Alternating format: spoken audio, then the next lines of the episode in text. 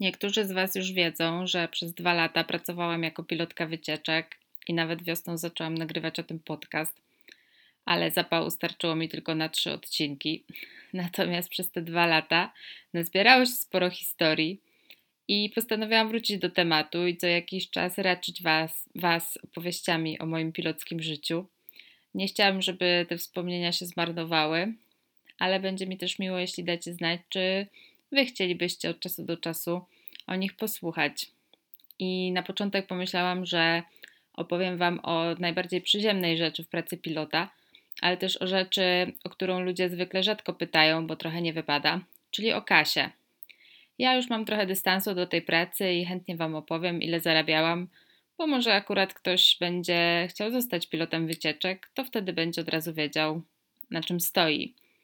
I od razu uprzedzam, że w tym zawodzie większość kasy tak naprawdę wydaje mi się, że zarabia się nieoficjalnie i oficjalna pensja to jest tylko jakaś część zarobków. No ale zaznaczam też, że do końca nie wiem, jak jest teraz, bo ja nie pracuję już kilka lat, więc być może coś się przez te parę lat zmieniło. I chcę też powiedzieć, że żeby zostać pilotem wycieczek, to nie trzeba mieć skończonego żadnego kursu, ani nie trzeba mieć żadnego kierunkowego wykształcenia. Zawód został kilka lat temu uwolniony, chociaż ja jeszcze robiłam kurs pilocki i zdawałam egzamin, ale znam też osoby, które były przyjmowane do pracy w ogóle bez kursu, bez żadnego doświadczenia i wszystkiego uczyły się w tak zwanym praniu. A właściwie jedyną inwestycją, jaką warto poczynić, i to nie tylko ze względu na bycie pilotem, to jest nauka języków. Ale to też nie jest tak, że koniecznie trzeba mówić w języku danego kraju na przykład ja do Portugalii jechałam z hiszpańskim i angielskim i to już jakby zupełnie wystarczyło. Znam pilotów, którzy nie znają języka kraju, do którego jeżdżą, albo przynajmniej nie znają go jakoś tam perfekcyjnie i świetnie sobie radzą. I oczywiście, że żeby być pilotem, trzeba być ogólnie dosyć komunikatywnym i kontaktowym, ale no to nie jest też tak, że trzeba kończyć jakieś tam studia, robić kursy i dopiero starać się o pracę. Zwłaszcza jak się ma 20 czy 20 parę lat, chce się trochę zobaczyć świata i zdobyć doświadczenia, to można zacząć tak w ogóle z marszu. No i ile zarabia taki pilot z marszu? Nie wiem jak jest teraz, podkreślam, ale mogę Wam powiedzieć, ile ja zarabiałam, pracując dla dosyć dużego biura. A zaczynałam z samego dołu drabinki, bo u nas była taka drabinka płacowa i dostawało się kasę zgodnie z tą drabinką. Im dłużej ktoś pracował, tym więcej zarabiał. Więc moja stawka na początek to było 180 zł brutto za dzień pracy plus prowizja od wyjazdu, o której zaraz powiem. To 180 zł to było przy własnej działalności gospodarczej, bo tak się najczęściej rozliczają piloci albo pracują u innego pilota na umowę zlecenia. Zdarzają się etaty, ale wtedy te stawki są niższe. I ja zaczynałam akurat od wycieczek po Hiszpanii i za tygodniową objazdówkę ta prowizja to było około 250 euro. Ale tutaj jest kilka haczyków i chciałabym je dla Was teraz rozbroić po kolei. Pierwszy haczyk to jest czas pracy. Ile pracuje pilot wycieczek? E, to jest bardzo różnie. Ja pracowałam tak, że jechałam do Hiszpanii na 5-6 tygodni i przez ten czas pracowałam non-stop. Nie miałam żadnego dnia wolnego. W sobotę żegnałam jedną grupę na lotnisku i odbieram następną. I po tych 5-6 tygodniach wracałam do Polski na 2-3 tygodnie przerwy, w trakcie której nie zarabiałam, bo nie pracowałam, tylko siedziałam w domu i miałam wolne albo sobie gdzieś tam jeździłam prywatnie. Są też piloci czy pilotki, którzy w Europie pracują na zasadzie tydzień pracy, tydzień w domu. Są i tacy, którzy robią longiem 10-12 tygodni, no ale to już się można wykończyć. No i wreszcie są też tacy, którzy mieszkają w danym kraju ale to też nie jest aż takie popularne.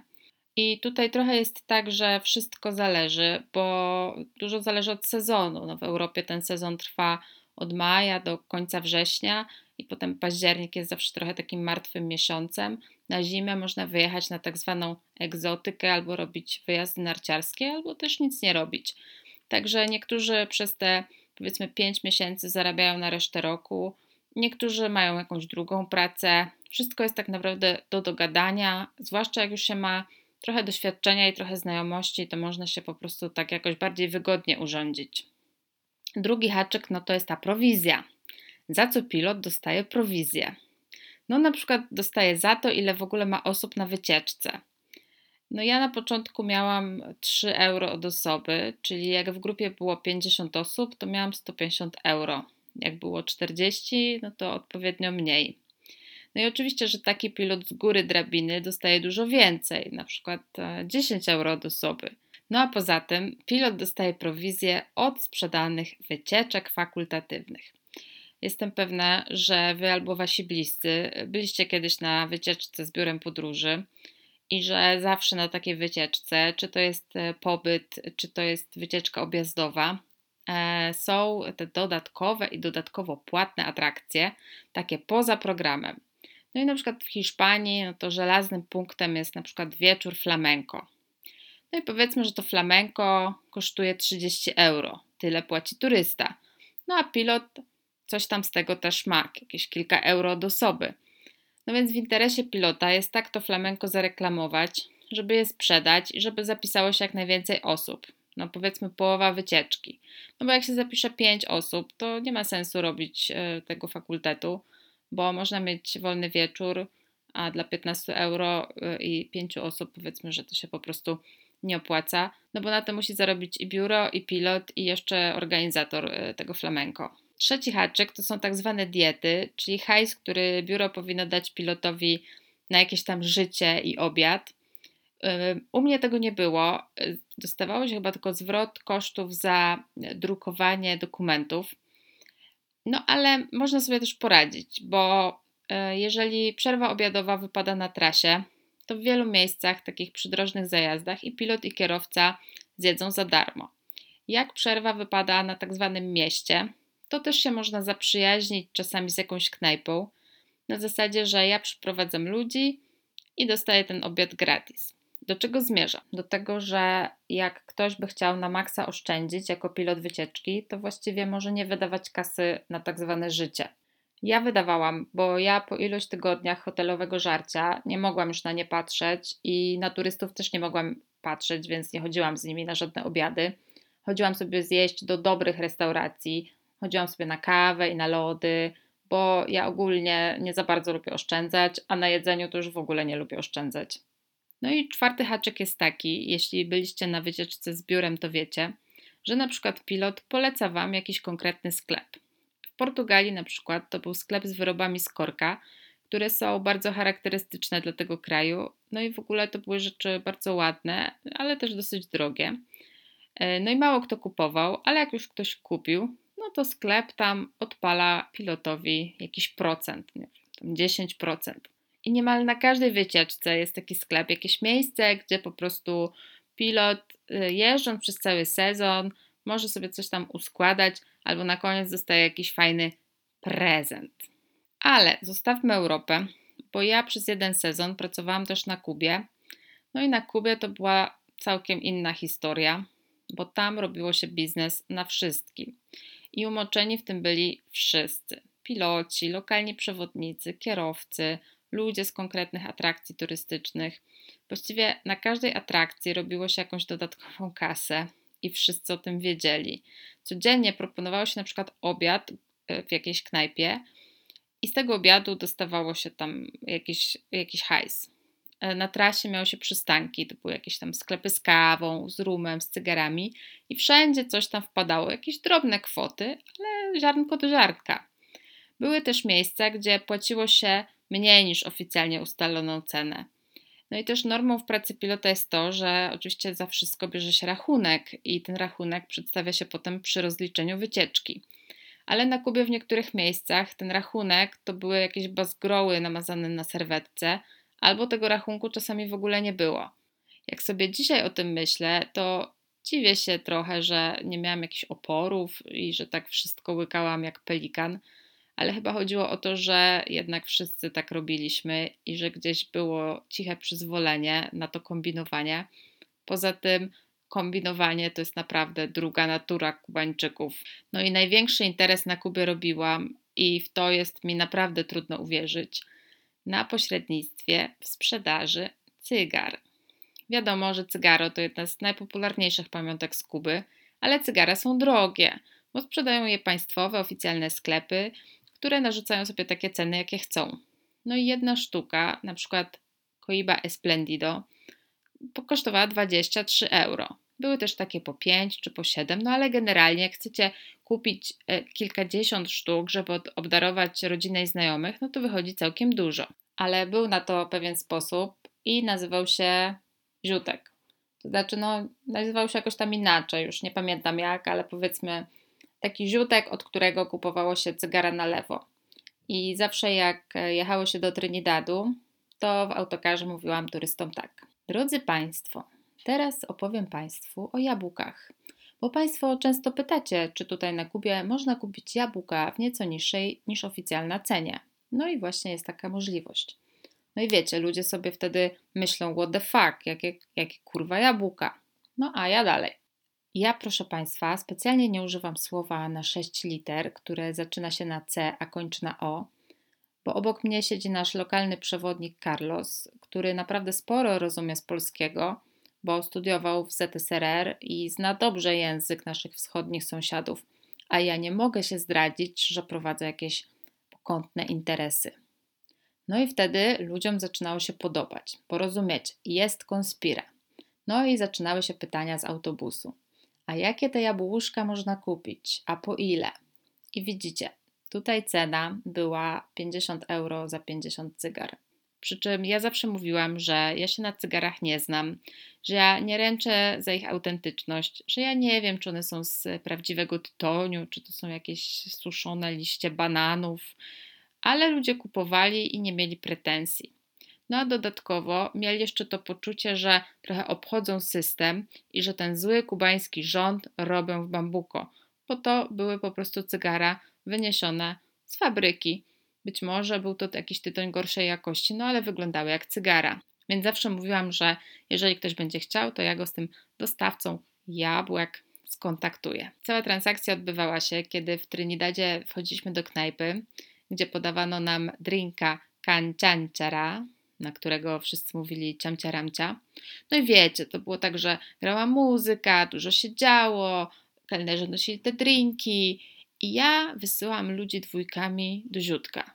Ziutek stał na ulicy i zaprowadzał turystów do takiej kanciapy, gdzie jeszcze dodatkowo siedziała taka starsza pani, taka babcia i łypała na ulicę, czy przypadkiem nie idzie policja. Oczywiście było tak, że policja wiedziała o wszystkim, bo Trinidad to bardzo małe miasteczko, ale dla turystów ten dreszczek emocji był czymś takim, no wiecie, o czym potem można opowiedzieć rodzinie i znajomym przy tym rumie z Kuby w zimną warszawską noc. No i słuchajcie, ja z tego pudełka cygar miałam naprawdę niezły procent i jakoś tak e, wyszło, że miałam w ogóle dobrą rękę do tego interesu i ludzie chcieli kupować. Więc e, no jakby to nie brzmiało, na Kubie najwięcej dorobiłam się na handlu jabłkami. Poza tym tak serio na Kubie to nie było na co wydawać, bo i tak nic się tam nie dało kupić, więc e, no, większość tej kasy, którą się zarobiło, po prostu zostawała w kieszeni. Wiem, że też byli piloci, którzy robili jakiś interes na lekach zjadu skorpiona i jeszcze na jakichś innych podejrzanych miksturach. Ja w to nie wchodziłam, więc nie wiem. Ale kochani, tak na przyszłość, jakbyście się wybierali na wycieczkę z biurem podróży, no to miejcie świadomość, że wszystko, co proponuje Wam biuro, jest po to, żeby ktoś mógł na tym zarobić. I że być może trafią się piloci, którzy Wam polecą coś ze szczerego serca, ale najczęściej jednak jest tak, że no jest to jakiś tam interes. I na koniec chciałam powiedzieć jeszcze o jednej kwestii, czyli o kwestii napiwków. Polacy raczej nie są przyzwyczajeni do dawania napiwków i jakoś nie będę się rozwodzić szeroko nad tym tematem. Ale ja zawsze na koniec wycieczki zbierałam pieniądze do kapelusza dla kierowcy i czasami turyści robili też zrzutkę dla mnie. No i to było zawsze super, super miłe, bo nawet jedno euro do soby to już było coś. A raz pamiętam, dostałam od jednej pary stówkę. No i wtedy to już e, było totalnie miłe, to było takie totalne docenienie mojej ciężkiej, jakby nie było pracy. I czuję się w obowiązku jeszcze trochę przed Wami wytłumaczyć, że to nie było tak, że ja bezdusznie robiłam biednych turystów na kasę, że sprzedawałam im flamenko za 30 euro, podczas gdy ono kosztowało 10.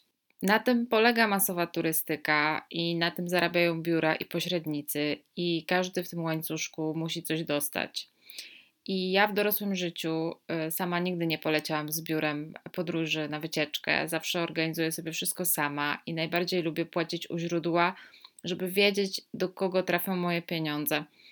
I w ogóle chyba opowiem kiedyś o tym, na czym polega tak naprawdę taka masowa turystyka.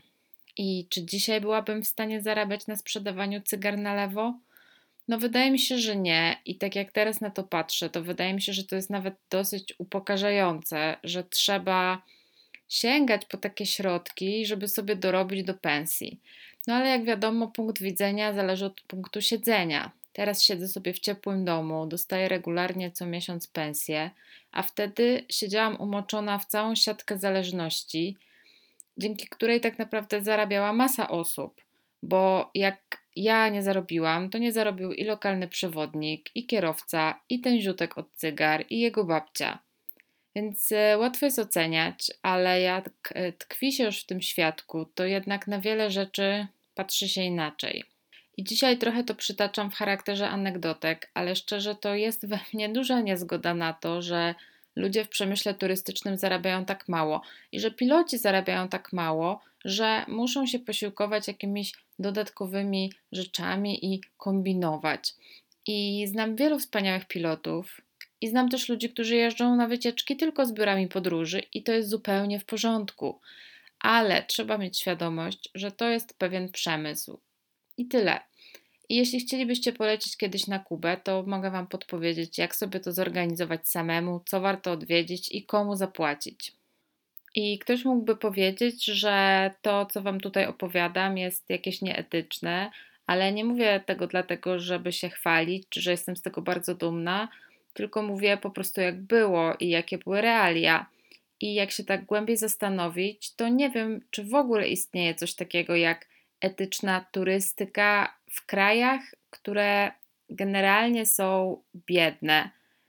Dzisiaj wydaje mi się, że to jest bardzo trudne, być może nawet niemożliwe, i może moja praca w ogóle w tym kontekście nie była etyczna. Ale chyba nad tym muszę się jeszcze zastanowić i postaram się wrócić do Was z odpowiedzią. Tymczasem do usłyszenia. Ja się nazywam Joanna Kocik, a to były wyznania pilotki wycieczek.